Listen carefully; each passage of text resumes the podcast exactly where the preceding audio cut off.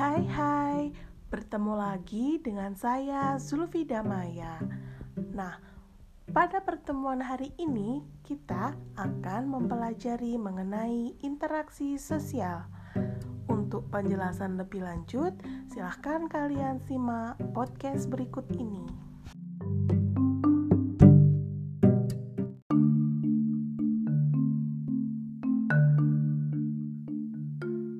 Oke, pada pertemuan sebelumnya, saya sempat memberikan video mengenai cuplikan-cuplikan pengertian dari hubungan sosial. Lalu kira-kira menurut kalian apa itu hubungan sosial? Hubungan sosial adalah suatu kegiatan yang dilakukan secara bersama oleh individu maupun kelompok baik secara langsung maupun tidak langsung. Nah, kaitannya dengan pembelajaran kita pada hari ini, kita akan membahas mengenai interaksi sosial. Lalu, apakah interaksi sosial dan hubungan sosial saling berkaitan? Ya, tentu. Karena hubungan sosial sendiri sangat berdekatan dengan interaksi sosial. Lalu, kira-kira interaksi sosial itu yang seperti apa? Interaksi sosial merupakan hubungan timbal balik yang dilakukan antara individu dengan individu, individu dengan kelompok, dan kelompok dengan kelompok, sehingga keduanya saling mempengaruhi. Oleh karena itu, hubungan sosial dan interaksi sosial adalah dua hal yang sama di dalam sebuah masyarakat.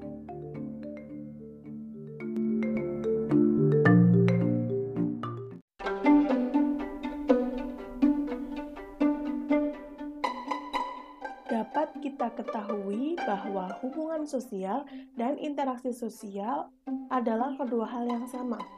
Oleh karena itu, keduanya juga memiliki ciri-ciri yang sama. Nah, untuk itu silahkan kalian dengarkan beberapa ciri-ciri dari interaksi sosial berikut ini.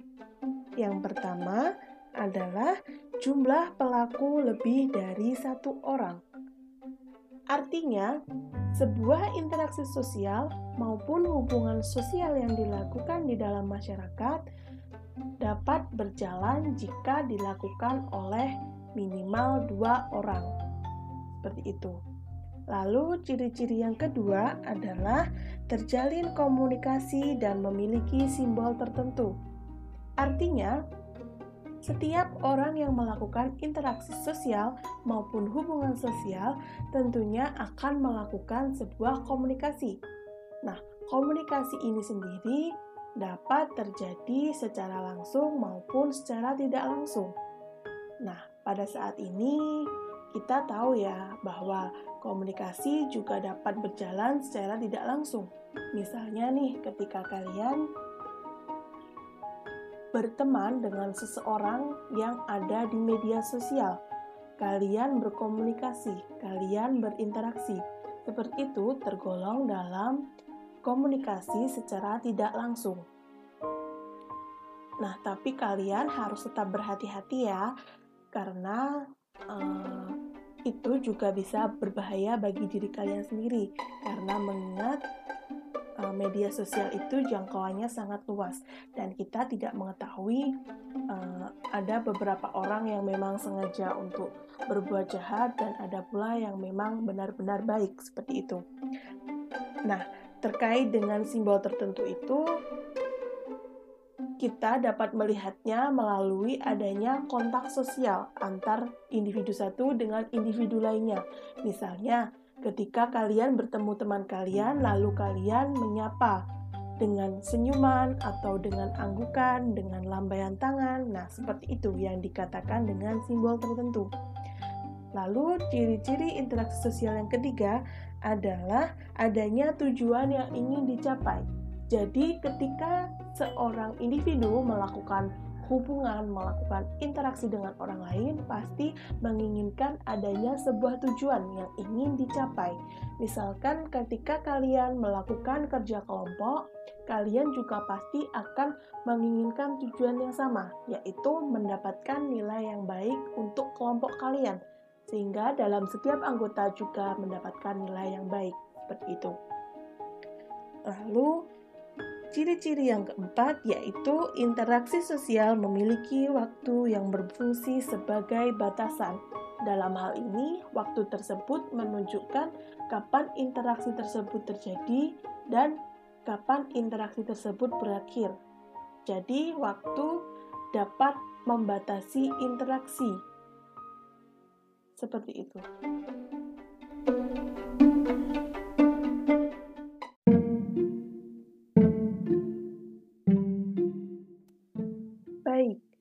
Setelah kita mengetahui beberapa ciri-ciri dari interaksi sosial, kita akan lanjut kepada syarat yang diperlukan guna terlaksananya sebuah interaksi sosial. Lalu, kira-kira menurut kalian itu syaratnya seperti apa aja ya?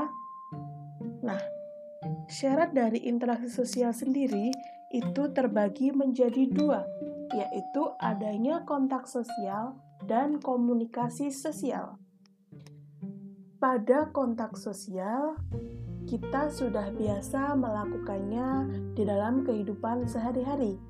Misalnya, ketika kita bertemu dengan teman, kita akan mengangguk, kita akan menyapa melalui senyuman, atau hanya sekedar melambaikan tangan.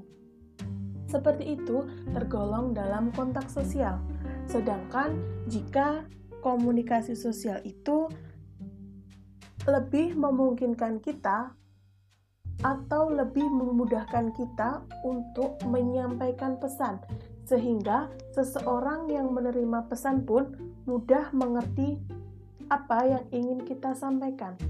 Dalam hal ini, komunikasi sosial itu misalnya kita saling berbincang, kita saling melakukan interaksi dengan orang lain, seperti itu.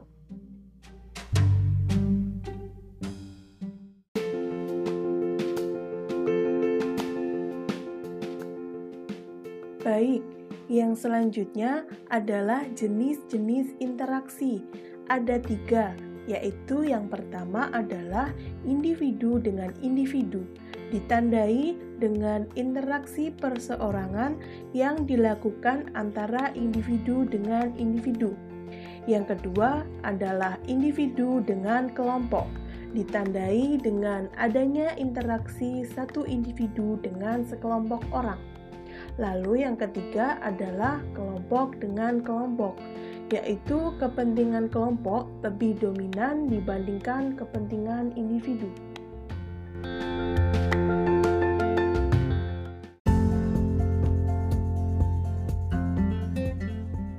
Nah, untuk yang selanjutnya adalah faktor pendorong interaksi, yaitu yang pertama adalah imitasi. Imitasi diartikan sebagai usaha meniru orang lain sebagai tokoh idealnya. Lalu, yang kedua adalah identifikasi diartikan sebagai kecenderungan seseorang untuk menjadi sama dengan orang lain. Lalu, yang ketiga adalah sugesti, diartikan dengan pemberian pengaruh pada orang lain. Selanjutnya, yang keempat adalah simpati, diartikan dengan proses tertarik pada orang lain. Lalu yang selanjutnya, yaitu yang kelima, adalah empati. Empati ditandai dengan sikap emosional seolah-olah memiliki perasaan senasib dengan orang lain yang sedang mengalami musibah. Nah, dalam hal ini, simpati dan empati hampir sama. Namun, ketika pada simpati kita hanya sebatas peduli. Namun, ketika empati, selain kita peduli, kita juga melakukan sebuah tindakan yang mampu untuk menghibur maupun meringankan beban orang yang kita pedulikan seperti itu. Lalu faktor yang selanjutnya yang keenam yaitu motivasi. Diartikan sebagai dorongan atau stimulus yang diberikan pada seseorang sehingga dapat bertindak sesuai dengan yang diharapkan.